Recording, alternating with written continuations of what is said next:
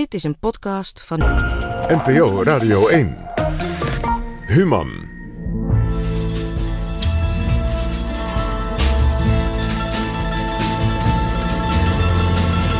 Brainwash Radio met Stefan Sanders. Blinde ambitie. Een heel persoonlijk verhaal over een dementerende grootmoeder. En waarom 2018 het jaar van het gelijkspel is, van de 0-0. We gaan het vanavond allemaal over hebben op deze oudejaarsavond. Hartelijk welkom bij Brainwash Radio van Human. De maandelijkse nieuwsanalyse waarin we orde proberen te scheppen in de chaos om zo onze hersenen een beetje schoner te spoelen. Een klein breinwasje te geven. Elke laatste maandag van de maand vragen we onze gasten welk nieuws in hun hoofd is blijven rondzingen. En vanavond gaan we luisteren naar de columns, verhalen en observaties van documentairemaker Emma Le filmjournalist Gabi Keizer en theatermaker en schrijver Johan Frets. We kijken terug op het afgelopen jaar en we kijken ook vooruit, want dat doe je nou eenmaal op deze dag, deze avond.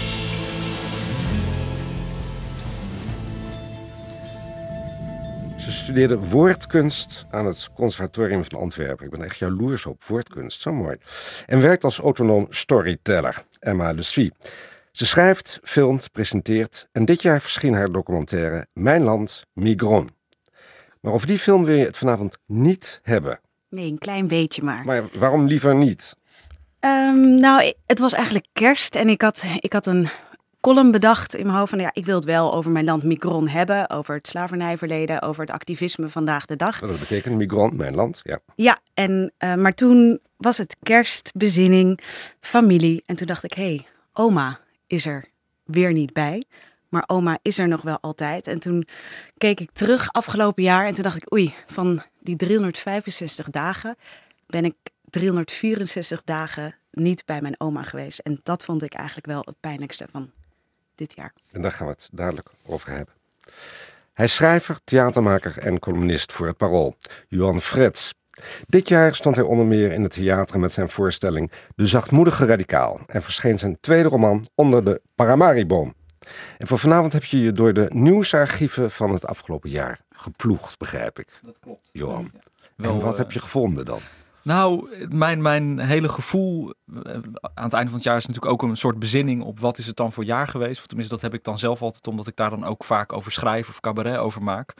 En dat ik het eigenlijk heel, een heel moeilijk jaar vond om, om greep op te krijgen. Mm. Dat ik eh, het gevoel had dat de jaren hiervoor eigenlijk zulke radicale dingen gebeurden dat de grond onder je voeten verschoof. En nu vond ik het eigenlijk dat ik, ja, er zijn ook eigenlijk weer een aantal dingen die hoopvol zijn, een aantal dingen die ontwrichtend zijn. En het voelt een beetje als het jaar van een nulstand, inderdaad, had ik dus uh, bedacht. Het woord nulstand kwam bij mij op. 0-0. De stand op het beginpunt. Daar gaan we het dadelijk over hebben. Leuk. Hij is filmjournalist en vertelt over de actualiteit aan de hand van de film. Gavi Keizer. Gavi, over welke film wil je het vanavond? Ik zag de nieuwe film van de Griekse filmmaker Yorgos Lantimos. Die kennen we van uh, Dogtooth en uh, The Lobster. Ik ken hem helemaal niet hoor, maar jij kent hem. ja. Jazeker, hij is een van mijn favoriete filmers van dit moment. En zijn nieuwe film heet The Favorite. Speelt zich af in de Britse hofhouding begin van de 18e eeuw. Tijd van um, uh, koningin Anne, Queen Anne en Stuart. En het thema van de film is ambitie. En nou ja, dat, dat, maak ik ervan. En uh, dat doet me denken, hoe werkt ambitie nou mhm. precies? En vooral de relatie met de moraliteit. Dan maak je aan het einde van het jaar volgens mij altijd een lijstje van beste films. Stond deze hoog? Hij staat op nummer vier. Vier, dus er zijn nog drie betere. Er zijn drie betere, maar niet veel betere, zal okay. maar zeggen. Ga je gang. Ja, blinde ambitie. Wat, wat is dat nou precies? Misschien zoiets als vechten om de top te bereiken, zonder enig besef van de ravage die je onderweg aanricht. Maar het kan ook betekenen, uh, om grote dingen te bereiken, moet je, je moet je je juist blind houden voor wat er allemaal om je heen gebeurt. Dat is het dilemma van ambitie. Hou je je blind voor de gevolgen van je streven, benadeel je anderen. Besteed je wel aandacht aan de repercussies van je ambitie, bereik je nooit je doel. Ik moest aan ambitie denken toen ik uh, Lantimos' The Favorite zag. Waarin twee vrouwen elkaar bevechten om de gunsten van de derde. En vlak daarna las ik Bas Heijnes artikel in de NRC over de moraliteit van topbestuurders. Bijvoorbeeld ex-politicus en eurocommissaris Nelly Kroes. Heine vroeg zich af eh, hoe Kroes een hemelsnaam adviesraadslid kon zijn van een vastgoedproject van een Saoedische kroonprins Moham- Mohammed bin Salman. En te meer in het licht natuurlijk van de brute moord op de journalist eh, Jamal Khashoggi in het Saoedische consulaat in Istanbul. Als je dit zo leest, het artikel van Heine, dan denk je, deze mevrouw Kroes zou, wat blinde ambitie betreft, zo passen in de hofhouding van Anna Stuart, die van 1702 tot 1707 koningin van Groot-Brittannië was. The Queen is an extraordinary person. They were all staring, weren't they? I can tell even if I can't see, and I heard the word fat, fat, and ugly. No one but me would dare, and I did not. She's been stalked by tragedy. Everyone leaves me, dies. Ja, daar horen we Queen Anne. Eh, en de favorite heeft zijzelf geen ambitie, behalve om kinderen te krijgen. En dat, dat lukt niet en dat is behoorlijk tragisch. 17 keer heeft ze al een miskraam gehad. En als troost heeft ze 17 konijntjes rondrennen in de binnenkamers waar ze de staatszaken regelt. Een oorlog tegen Frankrijk bijvoorbeeld. Haar belangrijkste adviseur is de beeldschone Lady Sarah Churchill. En die heeft ambitie te over. Om de gunst van de koningin ehm, te, te vinden, duikt ze in bed met haar majesteit. Niet om liefde of seks, want deze Queen Anne is een lelijke, knettergekke vrouw met allerlei kwalen. Haar benen moeten bijvoorbeeld constant worden gemasseerd vanwege de jicht. Seks met de koningin is voor Lady Sarah slechts een middel om macht te verkrijgen en te behouden. Zo op het oog heeft Lady Sarah een nobel doel. Door haar invloed bij de koningin, en dit verhaal is waar gebeurd, zorgt ze ervoor dat Anne verstandige beslissingen neemt over de oorlog in Frankrijk, waar Sarah's echtgenoot, de hertog van Marlborough, de leiding heeft over de Britse soldaten. Maar dan verschijnt het nichtje van Lady Sarah, de jonge Abigail, op het toneel. En ook zij barst van de ambitie. Aanvankelijk is dat uit nood geboren. Haar vader is het familiefortuin kwijtgeraakt. En om, om zichzelf op te trekken uit de modder, begeeft ze zich naar het hof. En via Anne krijgt ze dan een baantje in de keuken, eh, tijdelijk, want Abigail richt haar pijlen veel hoger. Binnen de kortste keren is Queen Anne totaal in de ban van de nieuwe sexy bediende. Eerst verzorgt Abigail de pijnlijke benen van de koningin en luistert zij geduldig naar alle zorgen. Het verdriet om de dode kindjes bijvoorbeeld, de eenzaamheid, niemand die haar snapt. Het duurt niet lang voordat Abigail en Anne het bed met elkaar delen. En er is dus een nieuwe gunsteling, een nieuwe favorite, een nieuwe lady of the bedchamber. De woede van Lady Sarah over deze ontwikkelingen is zinloos. Daarmee haalt ze alleen zich de toorn van Anne op de hals en wordt ze verbannen uit de hofhouding om nooit meer terug te keren. En dat is interessant, want wat is nu het verschil tussen de ambitie van Abigail en die van Lady Sarah? Beide willen eigenlijk dezelfde, status en macht. Maar Lady Sarah wil wel iets meer. Ze draagt ook de nationale belangen op het hart. Zie de oorlog tegen de Fransen. Ze gebruikt haar invloed om de politieke besluitvorming zo te laten verlopen dat die de strijdende Britse soldaten ten voordeel strekt. Abigail daarentegen streeft naar niets behalve het eigen belang. En dit maakt haar blind voor de gevolgen van haar ambitie. De favorite laat eigenlijk zien dat een elite niet zonder ambitie kan. Maar hoe rijm je dat dan met moreel integer gedrag? Ik denk dat onze politici zichzelf die vraag iedere dag stellen, bewust of onbewust.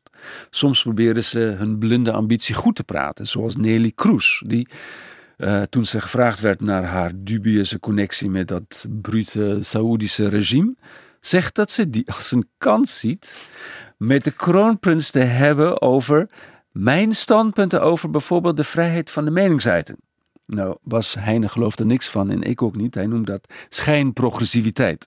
En eh, hij schrijft: Wie voor de bühne laat zien dat hij het hart op de goede plek heeft, dat zijn bedrijf zich inzet voor een betere wereld, kan achter de schermen gewoon zijn eigen slechte gang blijven gaan. Als we dit op Nelly van toepassing maken, dan vindt, blijkt dat zij dus een Abigail en Sarah twee perfecte geestgenoten heeft. Ambitie is iets wat achter de schermen gebeurt, een slim spelletje. Maar zodra het daglicht komt, blijkt dat ambitie en moreel integer handelen niet samengaan.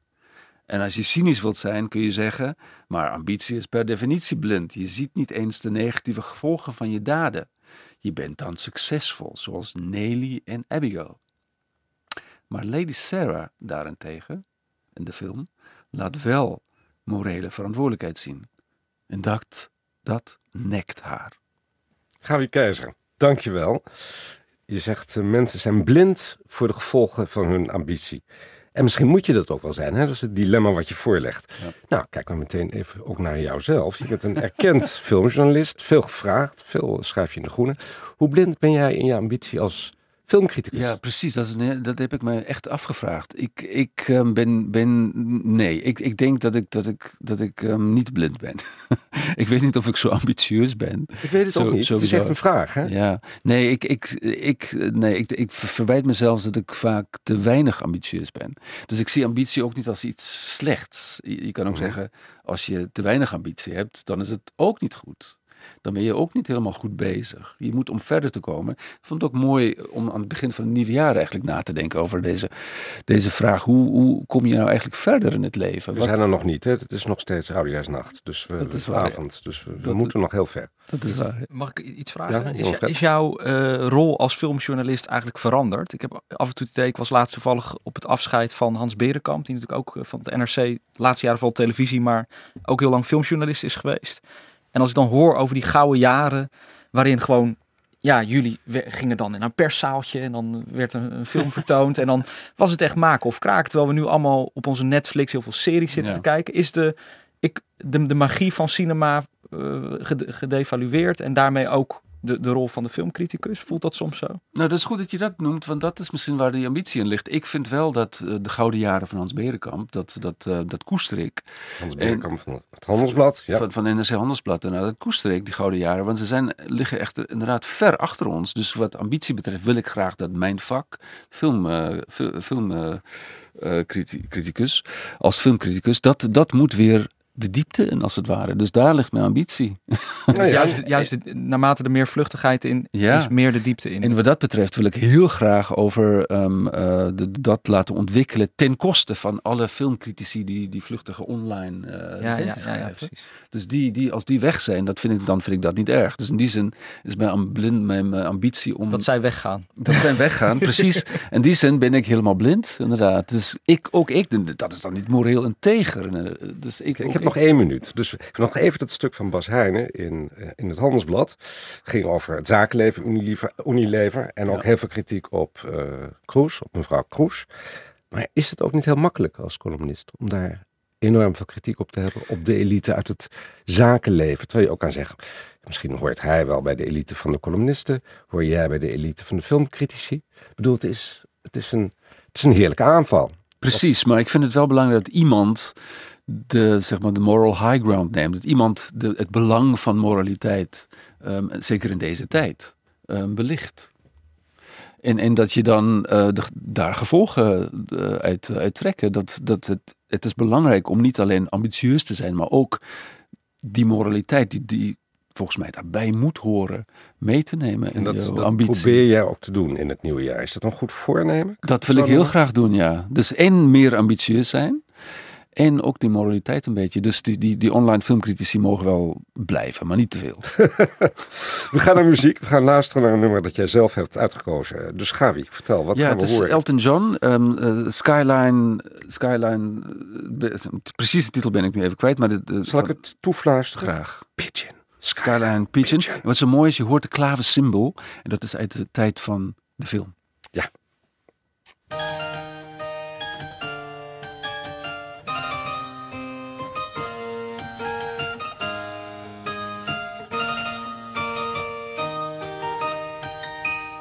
Turn me loose.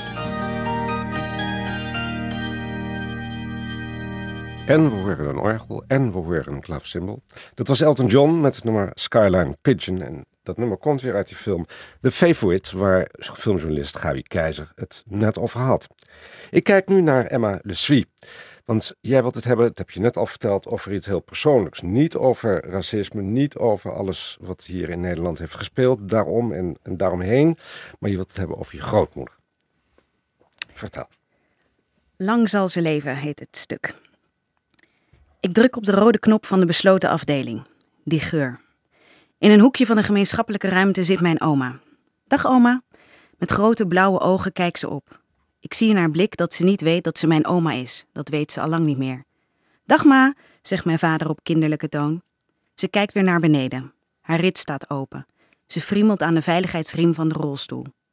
Zullen we lekker even naar buiten gaan, ma? probeert mijn vader. Hij wacht niet op het antwoord. Hij maakt de remmen los en rijdt mijn oma achteruit. Door haar voeten tegen de grond te drukken, probeert ze zich te verzetten. Maar vader, net zo koppig als zijn moeder, rijdt door en oma moet zich gewonnen geven. Rijden door de lange gang, weg van Radio Nostalgie, de nepbloemen in de hoek en de witte koffiekopjes. O meneer, roept een medewerker ons achterna, als er bij de deur een mevrouw staat die naar buiten wilt, laat haar dan maar en roep ons. Dat voorkomt blauwe plekken. Ze glimlacht. Aan het eind van de gang staat inderdaad een mevrouw op de knopjes te drukken. De code is de dag van vandaag, maar weet de mevrouw veel? Het lijkt alsof de mevrouw zich betrapt voelt als ze ons ziet en schuifelt snel weg achter haar rollator, langs de piano die op slot zit. We gaan de deuren door die beplakt zijn met bosbehang, alsof we een andere wereld zullen betreden. Wil je een ijsje, ma? vraagt mijn vader beneden. Oma kijkt opnieuw op met die felle blauwe ogen. Oma wil graag een bakje ijs, besluit mijn vader hardop. Ik zoek tevergeefs een Magnum Almond. Een raketje dan maar. De raketjes zijn niet aan te slepen, hè? zegt mijn vader voor vertier. Ja, die hitte, hè? reageer ik. Mijn vader laat de rolstoel los om te betalen en ik ben druk met mijn raketje. We vergeten oma. Oma pakt haar kant schoon en rijdt weg als schuifelend over de vloer, met haar handen aan de, hip, aan de wielen. Wat een kracht, denk ik al starend naar mijn oma, likkend aan mijn raketje. Nee, maar, roept mijn vader, we gaan deze kant op. Mijn vader sprint daar achterna, rijdt haar weer achteruit, vooruit, die kant op. Wil je een hapje ijs, ma? Mijn vader houdt een lepeltje met roomijs bij de bijna tandeloze mond van mijn oma. Haar twee ondertandjes doen me denken aan de baby die ik de dag daarvoor zag. Het is al lang geleden dat oma haar kunstgebit door de wc spoelde. Daarvoor was ze erop gaan zitten en nu is het klaar. Met haar tong vangt ze het beetje roomijs op. Mijn vader en ik gaan op in een gesprek over broodfonds, ZZP'en, onbetaalbare huizen, de leven. Weer vergeten we oma. Misschien kan je een beetje met oma proberen te communiceren, zegt mijn vader. Maar wat moet ik dan zeggen? Nou, praat over het weer of zo. Ik staar mijn oma aan, die nog meer friemelt aan haar veiligheidsriem dan voorheen. Hopelijk gaat het morgen regenen, hè, oma? Stilte. Wilt u nog een hapje, oma? Nee, zegt ze fel. Het roomijs smelt weg. Als we naar binnen willen, staat er bij de hoofdingang een haag van medewerkers met hun handen in elkaar en hun hoofd iets naar beneden. Een duidelijke routine. We botsen bijna op de doodskist met daarachter een handjevol familieleden. Ik betrap mezelf erop dat ik omkijk om te zien hoe erg ze zijn aangedaan. Mijn oma schreeuwt al jaren om einde, maar nooit zette ze op tijd een krabbeltje op papier. Nu vergeet ze alles, behalve dat einde. Terug op de afdeling laten we oma los. Snel schuifelt ze in de rolstoel de gang door, de kamers van andere bewoners op. Onderweg komen we mevrouw tegen met clips in, chique kleding aan en een lakleren tas op haar rollator. Daar heeft oma ruzie mee gehad, fluistert mijn vader. Voordat oma naar haar toe schuifelt, pakt mijn vader de rolstoel en wijst haar het juiste pad. Voordat we afscheid nemen, nemen we een kijkje in haar eigen kamer. Daar hangen dierenposters, een gehaakte illustratie van Venetië en geen spoor van familieleden. Waar zijn de rest van haar spullen? Dit was het, zegt mijn vader. Goh, zeg ik verbaasd, je leven in niet meer dan een tas. Handje, oma. Totaal onverwacht geeft mijn oma me een ferme hand. Oma hield nooit van slappe handjes. Krijg ik ook een handje, ma? Nee, roept mijn oma fel. Mijn vader lacht, verschil moet er wezen, en hij zet de rem op de rolstoel. Voordat we het tehuis verlaten, wil mijn vader boven nog iets laten zien. Aan de muur hangt een collage met foto's van overledenen en afbeeldingen van bloemen. Ken je deze meneer nog? Die maakte altijd muziek. En deze mevrouw? Die liep altijd rondjes. Oh, en dit was zo'n boze mevrouw, allemaal dood. Oma heeft al zoveel mensen overleefd. Ik kijk naar mijn vader, hoe hij kijkt naar de doden in de collage. De mensen die eens oma en opa waren. een broer of een vriendin. Mijn oma is nu deze oma. De herinneringen van vroeger zijn al lang begraven. 90 is oma nu toch? Ja, ongelooflijk hè? Nou, Emma Leswie, een heel persoonlijk verhaal. Ehm, ja. ik denk te horen tussen de regels door dat het, maar dat vraag ik heel voorzichtig, dat het volgens jou beter was als je grootmoeder niet meer zou leven. ja. Ja, dat, dat denk ik wel. Ja. Zij roept echt al heel, heel lang dat ze dood wil. Ik heb er ook al een keer een radiodocumentaire over gemaakt. En dat eh, ging toen over beginnende, ehm, toen ze net dementie eh, kreeg, of dat het duidelijk werd. En dan belde ze ons echt 60 keer per dag op en een hele tijd ons uitschelden. En ze was zo ongelukkig. En nu nog steeds, ja, al die jaren later, schreeuwt ze nog steeds dat ze, dat ze dood wil. En ja, je, ik zie gewoon heel erg aan mijn oma dat ze heel erg lijdt, al die jaren. Ze is gewoon niet gelukkig. Althans, dat, dat, dat denk ik. ja, zien. ik vind het altijd, het is jouw grootmoeder en eh, ik ken haar helemaal niet. Eh, Ja. Maar in het algemeen kijken wij natuurlijk als gezonde mensen naar dementerende mensen. Ja. En denken dan, ja, maar als ik, in, als ik er zo aan toe was, dan zou ik Ja. het niet meer willen. Maar zij zijn niet zoals wij nu. Dat, Nee. is, dat is toch een probleem. Ja, nee, dat is ook zo. En ehm, het is ook natuurlijk een ander persoon geworden. Maar ook voordat ze dus al dement werd, riep ze het eigenlijk al. Maar ik denk dat ze toch niet durfde om zo'n handtekening te zetten. Maar het is, het is een hele moeilijke discussie hoor. Want ja, ehm, maar wat ik wel zie bij mijn oma in dat tehuis, ze is echt heel erg boos. Constant, continu. Ehm, en ze maakt heel veel ruzie met, eh, met, met, met, eh, met de andere bewoners. En ja, en dat, dat vind ik wel heel erg moeilijk om te zien. Gawie Keizer had het net over blindheid. Blindheid in verband met ambitie. Maar als gezonden en als dementerende sta je eigenlijk ook blind tegenover elkaar. Er is, er is veel blindheid Ja. bij alle tweede partijen. En wij gezonde, niet dementerende, nemen maar aan dat wij iets kunnen begrijpen van Ja. dementerende. Wat ook nog maar de vraag is. Ja, nee, dat is ook zo. Ja, we weten het niet. We, we weten het echt niet. Nee. Kun, je Keizer. met, met wa- wat- als ik toen ik je verhaal, terwijl ik naar je verhaal luisterde, dacht ik, eh, misschien moet je met, met zo'n dementerende oma ehm, op een andere niveau gaan communiceren. Het, het niveau van gevoel, Ja, meer dan verstand. En dan is haar boosheid misschien een vorm van angst, zit ik Ja. te denken. ja. ja dat, dat zou ook heel goed kunnen hoor. En, en ik, ik neem het mezelf dus eigenlijk ook heel erg kwalijk dat ik mijn oma zo weinig zie. Het, het stoot mij heel erg af, die omgeving waar ze in zit. Ehm, ja, en door je oma te zien die niet meer je Ja. oma is. En dat, dat maakt het natuurlijk moeilijk. Maar inderdaad, ehm, ik had het ook met een vriend van mij over, die is muzikant. Van misschien zou muziek wel helpen om toch dat, dat, dat, ja, dat ze blij wordt. Dat ze, ja, Nog even. dat ze wel comfortabel is daar. Nog even, Emma. Je hebt natuurlijk een gemengde achtergrond, deels Nederlands, eh, deels Surinaams. Dit is je Nederlandse eh, grootmoeder. Ja, van mijn vaders kant. Is er een verschil in eh, situaties van mensen die dus dementerend zijn in de Surinaamse gemeenschap of de Nederlandse gemeenschap? Oh, dat weet ik niet. Mijn oma was niet eh, dement. Nee, Eh, met de andere oma. De, ja, de- mijn de- andere de oma. Surinaamse grootmoeder. Ja. Ehm, dus, dus dat weet ik eigenlijk Nee. niet. Ehm, nee, nee, daar kan ik eigenlijk niks eh, over zeggen. Nee, ik zal ook maar geen sweeping statements Nee. dat loopt nooit goed ik af. denk, ja, het is een mens. We, we gaan er even uit voor het nieuws van 9 uur. Maar blijf vooral luisteren, want over een paar minuten hoor je Johan Frets. En die gaat je precies vertellen hoe hij terugkijkt op 2000. NPO Radio 1. Human.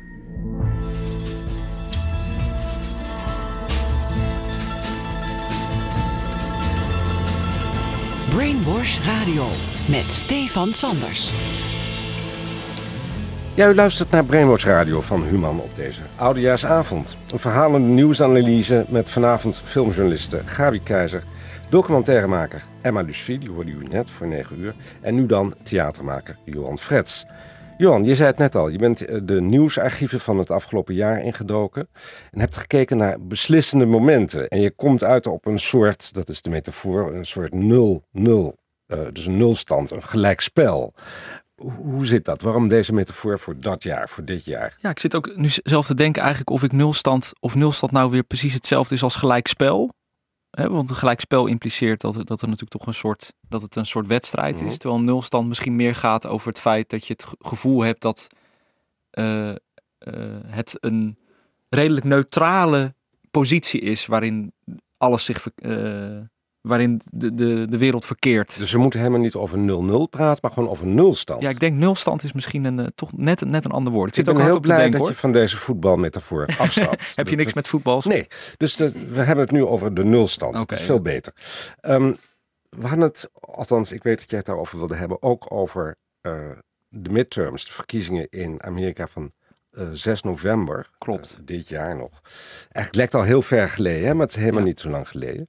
Ehm, ja, wat, wat, wat, wat is dan het idee van die nulstand? Nou, het, het, in, het, in, het algemene zin, of in de algemene zin is het, is het gevoel bij nulstand. Dus het, eh, dat ik eigenlijk de jaren hiervoor heel erg het gevoel dat hele radicale ontwikkelingen plaatsvonden. Dat de grond onder mijn voeten verschoof. Ik herinner me nog heel goed de horror van dat ik in de Melkweg was en dat eh, Florida gaat naar Hillary. Oh nee, gaat toch niet naar Hillary. En zo hoe langzaam. Oh, dat gaat naar Trump, dat gaat naar Trump. Trump is president van Amerika. En het gevoel dat dat zo ingrijpend is voor de wereld. En dat je eigenlijk ook eh, ziet dat iemand ook eigenlijk die, de, de instituten aanvalt. Hè, dus de democratische instituten. Eh, en dat je je eigenlijk afvraagt of je zelf in een periode bent beland die ooit heel bepalend in de geschiedenis zal zijn. Mhm. Dat denkt misschien ieder mens en dat is ook een, een vorm van hoogmoed. Misschien, maar eh, je, je, je bent, ik ben de afgelopen jaren steeds dat je denkt, oh jeetje, dit, het is zo erg in beweging. Ik heb geen idee waar dit naartoe gaat. En het afgelopen jaar, en daar is die midterms dan wel weer een goed voorbeeld van. Ja, die zijn dan ook weer niet dat je denkt, eh 70% stemt die man eh, eh, stemt tegen Trump. Hè? Maar wel overweldigend eh, in absolute aantallen sowieso. En ook in de zetels van bijvoorbeeld het, het huis. Stemt dan op de Democraten. Het Huis van Afgevaardigden. het Huis Ja. van Afgevaardigden, ja. In de Senaat verliezen ze dan. Eh, eh, nipt en verliezen ze wat, wat zetels. Maar dat is zo'n moment dat je denkt, oh ja, die instituten zijn dus best wel sterk. En mensen, ook al wordt dus de hele tijd gezegd, je moet niet geloven wat ze in de vrije pers zeggen. En eh, de, they, are the enemy of the people. En de, de, de haatvolle retoriek beklijft dan dus niet dusdanig in de geesten van mensen, zoals wij vaak naar de geschiedenis kijken, als volksmenners aan de macht komen van, als ze eenmaal aan de macht zijn, dan is het downhill from there. En dat gebeurt dan dus eigenlijk niet. Dus dat is eigenlijk ook het, het, het goede nieuws, kan je zeggen, van Nou 2018? ja, het, het- of, het, of het echt goed is, goed impliceert vaak dat er een, een, staat van opluchting is. En dat is dus ook weer niet. Want Een het is, het, is is wat, ik bedoel tegelijkertijd eh, deze week nog eh, over een kind wat dan gestorven is aan de grens door die nieuwe grenspolitiek. En tegelijkertijd gaat het ook door met het aanvallen van die, van die instituten en de, het, het, het gif spuien in de samenleving. Alleen het is wel zo dat er dus ook een, er is ook een tegenstroom. Of er is ook een andere stroom. En die stroom is er ook. En dat vond ik die, die midterms eigenlijk een goed voorbeeld van. Dat je denkt van, oh ja, waar gaat het eigenlijk heen? Is dit, is dit nu eh, het begin van iets wat, wat dat, dat, dat blijkbaar die instituten en onze wereld zo sterk is dat we uiteindelijk toch weer dat, dat wegstemmen? Dat, eh, of, of niet. Dat kan ook nog steeds. Dus er is die- werk aan de winkel. Vandaar die nulstand. Ja. Maar nou iets heel, heel veel vrolijkers. Eh, Prins Harry trouwde eh, eh, dit jaar, 2018, met Meghan. Ja. Dat is wel echt een blijk van ontspanning, misschien. Hè, want eh, Harry was, of is, is nog steeds een royal. Maar deze Meghan is een, een dubbelbloed. Hè? heeft een, een zwarte Klopt. moeder met dreadlocks. En ze is dus gemengd. Ja. En die is nou binnen die koninklijke familie getrouwd, in die Windsor-familie. Ja. Is dat, is dat een, is dat een ehm, blijk van raciale ontspanning in, in Nou, Groot-Brittannië? ook, ook daarbij waar- waarom het me zo intrigeerde, dat, dat eh, is om, om meerdere redenen. Allereerst dus ook weer ge- gekoppeld aan die nulstand, dat je eigenlijk de brexit een voorbeeld was, waarbij eigenlijk in de analyse heel erg wordt gezegd, ja, de xenofobie is terug en de Britten willen grenzen naar binnen en tegen, dus de, de, de raciale spanningen komen eigenlijk weer omhoog. En dat is natuurlijk ook een hot topic. En daar is ook in, op, op heel veel vlakken in onze samenleving strijd over. Maar ik vond het zo'n mooi symbolisch moment dat je dan gewoon ja, Meghan is dan een dubbelbloed. Die trouwt dan met echt nou, de, de grootste ginger die er is. eh, Prins Harry, royal. Je ziet die kerk. Honderden jaren, institu- ins- eh, eh, honder, honderden jaren bestaat het instituut al. Klassieker en traditioneler dan dat krijg je het niet. Nou, zijn moeder, of zijn schoonmoeder is dan een vrouw met een gigantische rasta, afro. En zij zitten daar dan in die kerk met prins Charles. En op een gegeven moment komt dan ook die zwarte priester, Michael Curry. Die zoveel indruk maakt. Ja, die echt, eh, oh, zoals, zoals, ja, zoals je dat ook, volgens mij alleen zwarte priesters dat kunnen. There's a power in love. En die begint daar een verhaal te houden over de kracht van liefde in de kerk van van Groot-Brittannië, waar die twee mensen eigenlijk gewoon met elkaar mengen en ook eigenlijk they don't care daar, daarover, weet je wel. Dus die, eh, er wordt heel veel gezegd van we gaan terug naar het verleden, terug naar die, eigenlijk die raciale tegenstelling, maar eigenlijk daar op dat moment zie je dat zelfs in zo'n klassiek instituut er eigenlijk we aan, er juist aan voorbij gaan. En dat vind ik eh, dus hoopvol. Ik vond die speech van Michael Curry eh, ook echt fantastisch. Dat zo heet die dominee, toch? Michael Curry. Michael heet- Curry, ja, sorry als ik dat nog niet had ja. gezegd. En ehm, ja, ik, ik, ik, vond dat, ik vond het gewoon heel, eh, heel hoopgevend. En tegelijkertijd dus ook weer daar een soort tegenstroom.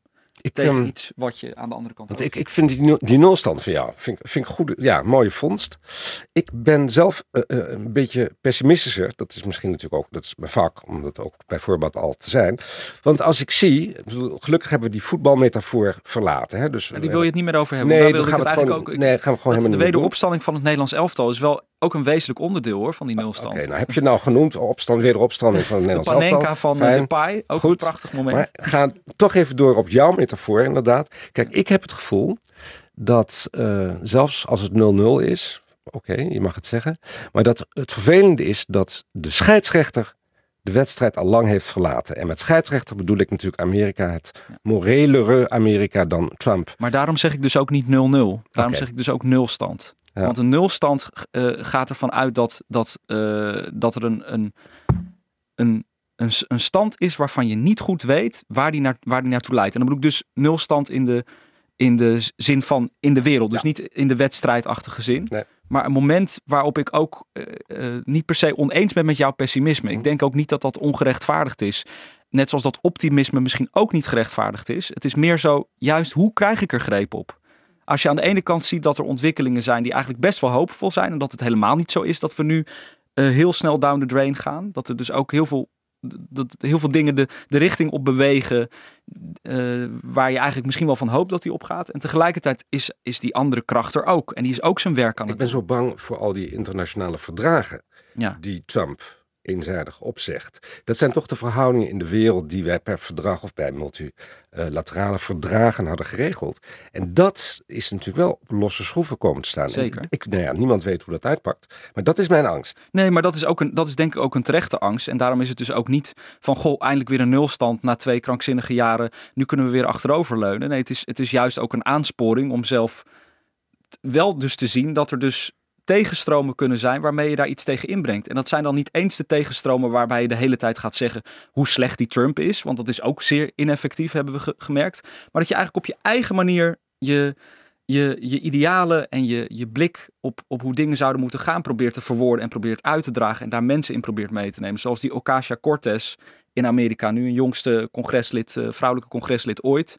Zij heeft het over de nieuwe de democraten is zij, van de democraten. Ja. En zij heeft het over een nieuw Green Deal bijvoorbeeld. En nu blijkt dat dat gaat er dan over een, een, een navolging eigenlijk van het oude, de oude eh die, New Deal van Roosevelt, hoe je eh, duurzaamheid, waar, wat ook hier met het klimaatakkoord weer bijvoorbeeld ontzettend veel weerstand oproept, hoe je dat nou moet verbinden aan iets economisch, iets sociaal-economisch, waardoor dus eigenlijk heel veel mensen ervoor zijn. Ik Dus kijk ook even naar jou, Emma. Emma Lucie. Wat is jouw vooruitblik, want daar zijn we nu mee bezig, vooruitblik voor 2019? Op persoonlijk vlak of breder? Zo breed als je maar wil. Ehm, nou, ik vond, eh, je had het al e- eerder over aardverschuiving en dat voelde ik enorm eh, afgelopen jaar. En het jaar was zo onrustig. Ehm, dan, ga ik toch weer terug naar het activisme. Ehm, eh, Jerry Afri die op de tweede rij zit. Nou, de, de Zwarte Pieten discussie die echt op de televisie toen, ja. Precies. Ik denk ook aan de columnisten eh Sharon Noorhussen en, ehm, en Clarice Cargard. Die zijn opgestapt omdat ze een lading racistische... Van trouw. Ja, Ja, en en- verschrikkelijk. Het Handelsblad. Van, ja. ja. dankjewel. Ja, ja, ja. Ja, duidelijk. Ehm, en ja, er is zoveel aan het verschuiven en mensen eh, eh, proberen hun een, een plek in te nemen, een, een ruimte te creëren. En ik hoop gewoon dat er ook rust zal zijn om meer in de samenleving, meer tijd voor bezinning. Dus dat misschien moet er wel eh, stiltekamers worden gecreëerd of wat ook, maar dat die stilte, ehm, ja. ehm, Je hebt dat beroemde stuk van John Cage, die Amerikaanse moderne componist. hè? 3.33. Oh, ja, ja. Dat is Ja, gewoon 3 misschien minuten moeten we dat 33 allemaal luisteren. stilte. Ja. Als wij dat nou eens vaak Ja. hè, in ons programma zouden gaan eh, draaien, dat zou misschien Ja, iets zijn. en dan nadenken waarom mensen dus zo strijden. Gabi Ja, dat is grappig. Ik hoor eigenlijk twee verhalen. Verhaal, nee, twee verhalen, maar je hebt aan de ene kant radicalisme, of het, het, de mogelijkheid daarvan, of de noodzaak misschien in deze tijd. Aan de andere kant heb je het verhaal wat, wat, of, wat Johan net eh, over, over, eh, over, waar het over had, het geloof in instituties, dat het toch gaat werken. Dat het toch, dat, dat is iets om aan vast te klampen. En ik vraag me af of het niet twee tegenovergestelde dingen zijn. En als ik dan moet kiezen, dan denk ik toch dat ik zou kiezen voor inderdaad eh, ja, die nulstand. Dat we toch blijven geloven in de, in de instituties. Dat het toch goed zal komen als we maar blijven geloven in democratische principes. En aan de andere kant is dat niet misschien genoeg. Nou, je moet, je moet er wel wat Nee. voor doen. Dus Ja. ik, ik denk ook dat het in die zin niet haaks op elkaar staat. Hè. Ik bedoel, als je dan kijkt naar de geschiedenis en zeker ook in het activisme. Je hebt, eh, je hebt Malcolm en je hebt eh, Martin Luther King. En je hebt, je hebt het allebei eigenlijk in zekere zin Nodig. nodig. Je hebt af en toe eh, de, de, de steen in de vijver Ja. nodig. Dat is niet een, niet een kiezeltje in de, in de vijver, dat is een steen. Maar je hebt ook het nodig dat, er, eh, dat, dat, je, dat je daar vervolgens op een manier naar kijkt hoe je daar ook mensen weer in mee kunt nemen. En over de symbolische betekenis van het huwelijk, dat, is, dat vind ik echt ook heel erg belangrijk. Maar je ziet dat ook doorcijpelen in andere vlakken van cultuur, bijvoorbeeld in film. De diversiteit is enorm toegenomen in, in, eh, in films. Niet alleen vrouwen, maar ook eh, zwarte mensen.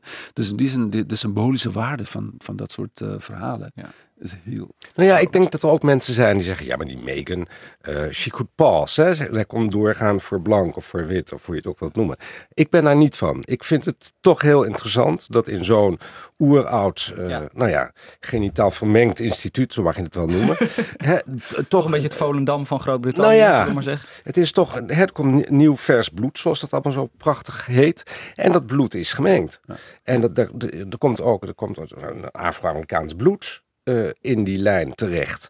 Dat is toch in zo'n huwelijk, in zo'n geval, is het echt symbool. En niet alleen maar om weg te wuiven. Nee, maar, maar ook, ook wat, wat ik eigenlijk probeerde te, te, te zeggen, misschien leg ik dat dan ook niet goed uit hoor, maar in die voorbeelden die ik noem en of het nou de, de, de wederopstanding van Oranje is inderdaad vrij lichtzinnig, maar dat huwelijk of die instituten, het, het gaat ook niet zozeer om, om een soort politieke eh, stand van, oh, het midden, dat lijkt het misschien ook te zijn in Mhm, nulstand, ja. maar het is voor mij, juist als je ziet dat het niet dat, dat er verschillende golfbewegingen zijn. Hoe krijg je daar grip op? En dat is eigenlijk een uitnodiging en een aansporing om vervolgens heel erg je best te doen dat die dingen dus de goede kant op bewegen. Die, die, die mogelijkheden liggen er dus wel. Het is niet passief bedoeld wat je Nee, ik denk nee, het is niet nee, het is niet zo van passief zitten. van oké, nou nul stand, toedeledokie, Nee, nee, nee, nee, nee, het is- eten. Het is, Maar we kunnen er zelf iets aan veranderen. We gaan naar muziek. We gaan luisteren naar David Bowie. En dat is niet helemaal toevallig. We gaan luisteren naar het nummer This Is Not America.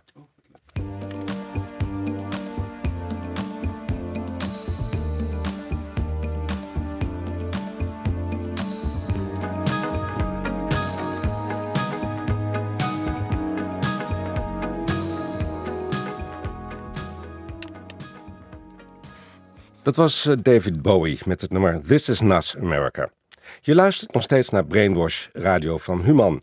Met vanavond de verhalen van filmjournalist Gabi Keizer, documentairemaker Emma de Srie en theatermaker Johan Frets. We hebben het gehad over blinde ambitie, over de nulstand van 2018. En we hebben Emma, de Srie horen vertellen over haar dementerende grootmoeder. En dan heb ik nog een aanvulling, een kleine aanvulling zo op het einde van het programma aan het einde van het jaar. Terugkijken op het voorbije jaar, dan kijken we als het ware door een, een omgekeerde verrekijker. Want van ver weg, dat zie je eigenlijk niet zo goed. En dichtbij zie je eigenlijk veel te goed. Het is een omgekeerde verrekijker. Die algemene journalistieke gebeurtenissen, als je daaraan terugdenkt, dat gaat nog wel van tot de laatste maand, misschien nog de laatste twee maanden. Nou ja, nu het zegt, ja. Maar bijvoorbeeld februari 2018, dat is zonder die, die beroemde lijstjes en archieven waar jij in zat, Johan Frets, is eigenlijk al meteen gehuld in duisternis. Daarom laat ik het verleden beginnen bij gisterochtend. De Belgische Standaard was de eerste krant die ik zag, de Belgische krant dus. En die zei over Trump, de dood, dat zei Trump namelijk zelf, de dood van die kinderen aan de grens, de grens met Mexico, dat is enkel en alleen de fout van de democraten. Het kan altijd weer nog cynischer, nog manipulatiever dan je dacht. Een jaar Trump, en daar zijn we het hele jaar mee bezig geweest, 2018, is ook het jaar van het onvoorstelbare voorbij. Iets wat er in, in mijn eh, geheugen meteen uitsprong, was de dood van de Saoedische journalist Jamal Khashoggi. Uh, Gawi Keizer noemde het ook. Vermoord in de, het Saoedische consulaat in Istanbul op. Wat weet u nog zo uit je hoofd? Welke maand dat ongeveer was? Oktober, dacht ik. Wauw, Ja. is goed. ja, want ik had namelijk, ik had het alweer ergens anders geplaatst in de tijd. Zo snel gaat het. 2 oktober 2018. Waar hij dus, die Jamal Khashoggi, als Saoediër zijn echtscheidingspapieren kwam regelen om een nieuw leven te beginnen. Hij wilde opnieuw trouwen. Nu is het ongeveer al duidelijk dat Khashoggi, die niet koninklijk was, dus niet bij de Saoedische koninklijke familie behoorde, maar wel echt deel uitmaakte van de Saoedische elite, dat die man door een team werd gefolterd, dat die vingers zijn afgehakt, dat hij onthoofd is, dat het lichaam in stukken is gezaagd en die, dat hij is verdwenen in een zwart gat. Die man begon dus een nieuw vermoord leven. Het is heel cynisch. En alles aan die zaak is onvoorstelbaar cynisch. De ontkenning van de kroonprins Mohammed bin Salman, hè, die zei niets mee te maken, weet van niets. Het rapport van de Amerikaanse CIA, waarin heel erg duidelijk werd gezegd dat, jawel, Salman had er wel degelijk iets mee te maken. Erdogan, die ineens, de Turkse president, die ineens kon, eh, zich kon presenteren als een mensenrechtenactivist. a- eh, activist. En Trump, die echt gewoon eerlijk zei van, nou, ik heb even met de prins gepraat. En hij zegt dat hij het niet gedaan heeft. Dus dat is geregeld. Ik geloof de prins, hè? ik geloof de Saoedische prins. Ja, dat, dat, dat, dat was voor mij toch wel de meest cynische eh, gebeurtenis uit mijn herinnering zo eh, van het afgelopen jaar. Ja, je hebt natuurlijk de brexit die maar dooretterde. Eh, de dividendbelasting van Rutte, die bleef wat die was. Nederland nog niet helemaal overgenomen door Unilever. Eh, Emma de je had het er al even over. De strijd om ieders identiteit, van de blokkeervries tot de make-up artiest. Of make-up artiest moet ik zeggen. Een vrouw die donkere schaduwen had aangebracht op een wit gezicht. En ineens waren er heel veel critici die zeiden: Ja, maar deze vrouw is bezig met blackfacen. Ze is aan het blackfacen. Je denkt, nou, dat gaat allemaal wel heel hard. Maar het aller, aller, allermeest van 2018 staat mij toch bij het bezoek van Pieter Hilhorst dat hij me gisteravond bracht. Onverwacht, onaangekondigd. Ik noem hem maar even zo, eh, omdat hij ook zo heet, Pieter Hilhorst. Het is een oude vriend van me. Nog uit de tijd dat ik samen met Anil Ramdas eh, een tv-programma maakte waar hij ook bij werkte. Eh, Pieter Hilhorst is een oud columnist van de Volkskrant. Hij is even nog wethouder geweest in Amsterdam. En vooral, hij is mijn eeuwig jongere vriend die ik graag mag beleren. Ik wil hem graag altijd de les le- leren en zeggen en wijzen en vertellen welke woorden die wel die moet gebruiken en welke woorden niet. Dat gebeurt veel te weinig, vind ik. Want ik heb hem bijna het hele jaar niet gezien. En toen ineens kwam hij dus op de proppen. Ik durf dat eigenlijk niet, zomaar bij iemand komen aanwaaien. En ik, ik bewonder ook de moed van Pieter Hilhorst. Eh, je kan natuurlijk zeggen, Pieter is een beetje blind voor eh, sociale conventies. Dat is ook zo. Want je, meestal bel je even eerst op of, of WhatsApp dat je eraan komt. Of, maar Pieter, eens in het jaar komt hij aan, onaangekondigd. Eh, en dat vind ik ook wel heel sterk. Want dat betekent dus dat hij verzekerd is, kennelijk van mijn vriendschap. Van de vriendschap van Delano, mijn man die daar zit. Eh, en dat hij denkt, nou, dat, dat, dat zal goed gaan. En als dat niet goed gaat, dan zullen ze wel zeggen, nou, het komt niet uit. En dat is ook goed. En dan ga ik weer weg. Nou, dat was een hele mooie avond. Wij zaten, eh, mijn man en ik, een heerlijke zin om uit te spreken. Mijn man en ik zaten eh, aan, aan een glas wijn. De bel ging. Wij dachten, ah, het is vast de bezorger van het handelsblad. Eh, en toen was het Pieter Hilhorst. En we hadden nog een eh, flesje champagne in de ijskast. En hij was een beetje als een kerst- en oud en nieuwkaart die thuis werd bezorgd. Pieter Hilhorst hemzelf. Dat, dat bezoekje maakte me blij, maar ook een beetje kritisch. Ehm, dit jaar gaf ik een eh, serie colleges aan de Universiteit van Amsterdam in samenwerking met de Groene Amsterdammer. En die collegereeks heette, heette Mijn Beter Ik, Ons Betere Wij. We gingen collectief op zoek met de lezers en studenten op zoek naar het goede leven. En dus ook collectief. En wat hoor ik nou de koning zeggen? Onze koning. In zijn kersttoespraak. We moeten, eh, we moeten niet zoeken naar een breder ik, maar naar een groter wij. Ik wil bijna zeggen dat ik het hem heb ingefluisterd. Die reeks die ik gaf, is koninklijk goedgekeurd. Eh, ik heb me dus voorgenomen om dit jaar, 2019, ook bij Pieter te gaan aanwaaien. Minder self-conscious te worden. Minder, ja, maar als ze dat nou eens heel naar vinden. Nee, nee geen, ik ga geen bord voor de kop krijgen. Ik ga niet blind worden. Maar ik ga minder oogkleppen op hebben. Ik zal met een open blik Pieter tegemoet treden. Mijn goede voornemen. Onverwacht voor de deur van Pieter Hilhorst staan. En dan desnoods stralend ongelegen komen. Dat, dat is mijn voorspelling voor het nieuwe jaar. Um, ik, ik ga nu even met jullie uh, terug. Hoe moeilijk is dat inderdaad, Emma de Ik zei het al, terugkijken. He, je, ziet, je ziet dat... Ik, ik weet echt van januari 2018... Als ik die lijstjes niet nakijk, weet ik niks. Nee, klopt. Nee, ik las ook bijvoorbeeld uh, die Malinese vluchteling in Parijs. Weet je nog dat hij dat kind redde? Ja. Oh. Ja, dat was ook nog dit jaar. Ja. dacht ik, oh ja, totaal vergeten. Ja, dat is moeilijk om terug te kijken. En we kijken natuurlijk liever vooruit. Althans, ja, ik kijk wel liever vooruit. Ja, dat, dat is ook makkelijker. Ja. En uh, ik ga er een beetje een deftige draai aan geven, want daarvoor zit ik hier tenslotte.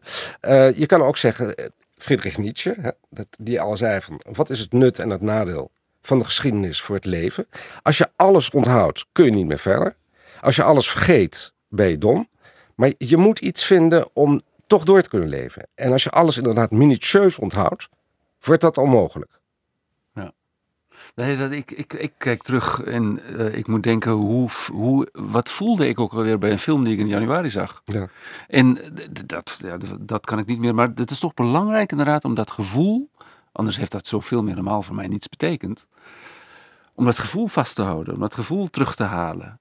Dus dat, dat betekent, dat is terugkijken voor mij. En ja, gevoel, voel me, voel het moeilijkste om terug te halen. Ja, ja maar toch is dat, vind ik dat waardevol om, oh ja, ik was, ik was bang of, of ik was uh, verwonderd of wat dan ook.